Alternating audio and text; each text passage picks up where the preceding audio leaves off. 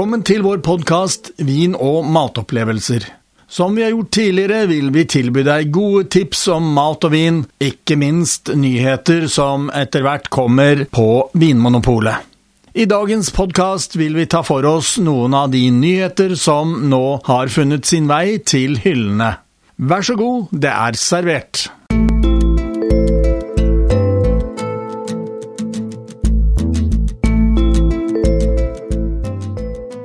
En kjent stemme fra disse restaurantkveldene, det er jo Jan Egil Aase.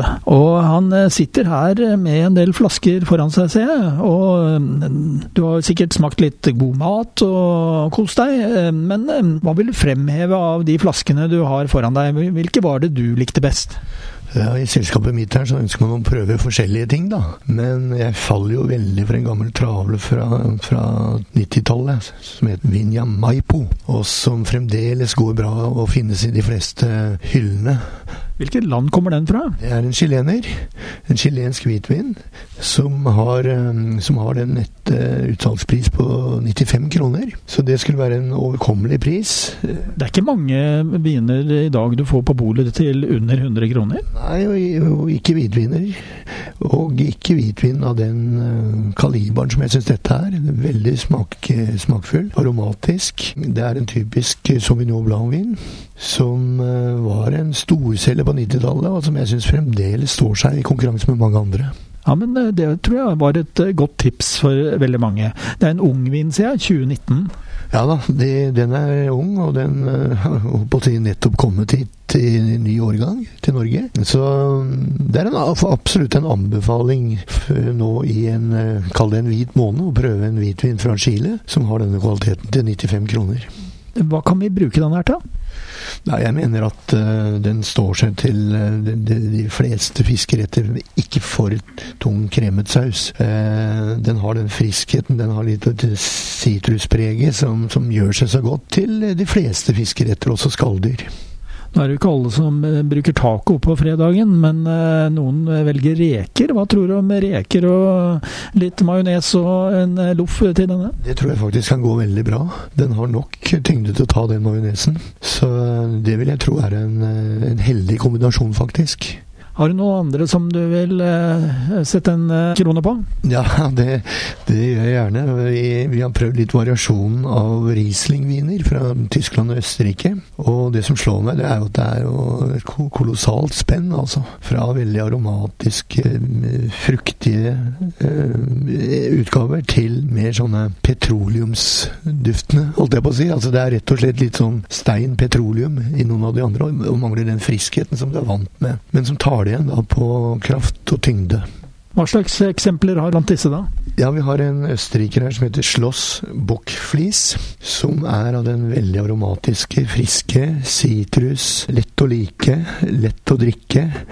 Har en pris på rundt 150 kroner i utsalg, så det er jo ikke helt billig, men det er en kvalitetsvin fra Østerrike. Så har vi da alternativet her, som er en Riesling fra Sar ved Mosel, øverst i Mosel. Disse områdene som også er kjent for litt gruvedrift og kull og så videre. Og den veldig, har et veldig sånn aromatisk petroleumspreg. Den er ung, den også? Ja, det er faktisk en 2018. Og det petroleumsstikket det bruker ikke å komme så tidlig, være så tydelig. Men her var den veldig utprega. Så jeg tror man skal liksom bruke litt tid for å kunne bli fortrolig med såpass mye petroleum. Vi skal snakke litt senere om noen rødviner, men du har kanskje en rødvin her som du hadde lyst til å nevne? Ja, jeg ble jo veldig fascinert av en rødvin som kommer fra vinhuset Borselli i Toskana. Og det er jo broren til operasangeren som står bak denne vinen. Det er ikke en helt billig sak, godt over 300 kroner. Den er, har Sanchovese som hoveddrue, og det merker man godt, men det er blanda inn også lite grann Cabernet Sauvignon, noen andre italienske druer, men vesentlig Sanchovese. Og den er en kraftpakke. Den sitter lenge i munnen, men den tørrer mye, og den har jo den har en god del tanniner. Det burde jo borge for at den kan uh, lagres fortsatt? Selv om dette er en, denne vinen vi smaker her er fra 2015, så kan den gjerne ligge fem år til, tror jeg, da.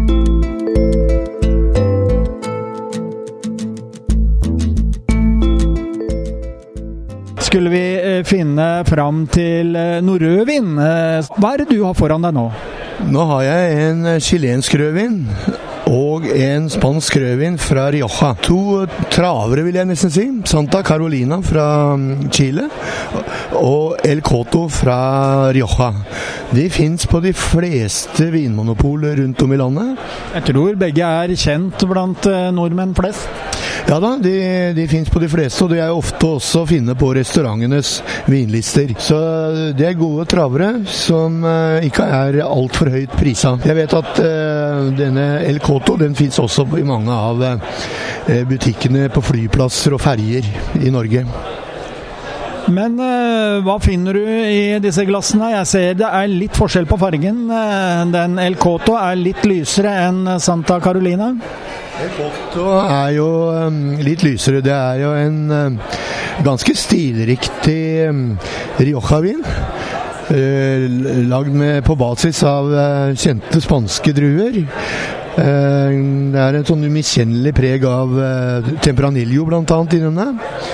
Så hvis man vil bli litt kjent med Rioja og den klassiske stilen for en relativt rimelig penge, så er El Coto et bra kjøp. Hvis vi går over på chileneren, så er jo det en uh, Mye tettere vin? Mye tettere vin. Den er lagd på Cabernet Sauvignon som grunndrue. Eller er innblanda noe annet. Og er eh, litt sånn innsmigrende, lett å like. Begge disse to vinene er egentlig lett å like, men jeg vil nok si at den uh, Rioja-vinen er litt, litt, mer sånn beregna for et måltid. Gjerne kjøtt osv. Den Santa Carolina den kan brukes i det meste, som en holdt på å si det litt forslitte begrepet terrassevin. Den er veldig veldig lett å like. Og typisk for, for Chile, mange av disse chilenske vinene, er jo at de er designa for at massemarkedet skal uh, lett like de. Så dette er to viner du kan holde, holde fram for lytterne?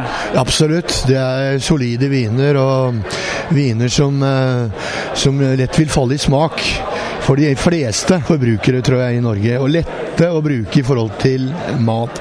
Santa Carolina vil, mener jeg vil veldig lett gå f.eks. til pastaretter. Er det en uh, søndagsmiddag, så ta gjerne og prøv denne El Coto.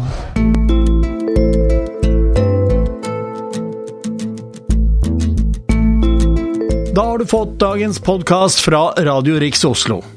Hvis du ønsker å abonnere på den, slik at du får den automatisk, kan du gjøre det. Gå inn på radioriks.no, og klikk på lenken til Gjestehuset. Så finner du en rettledning der. Lykke til! Kommende mandag får du neste podkast. Vi høres!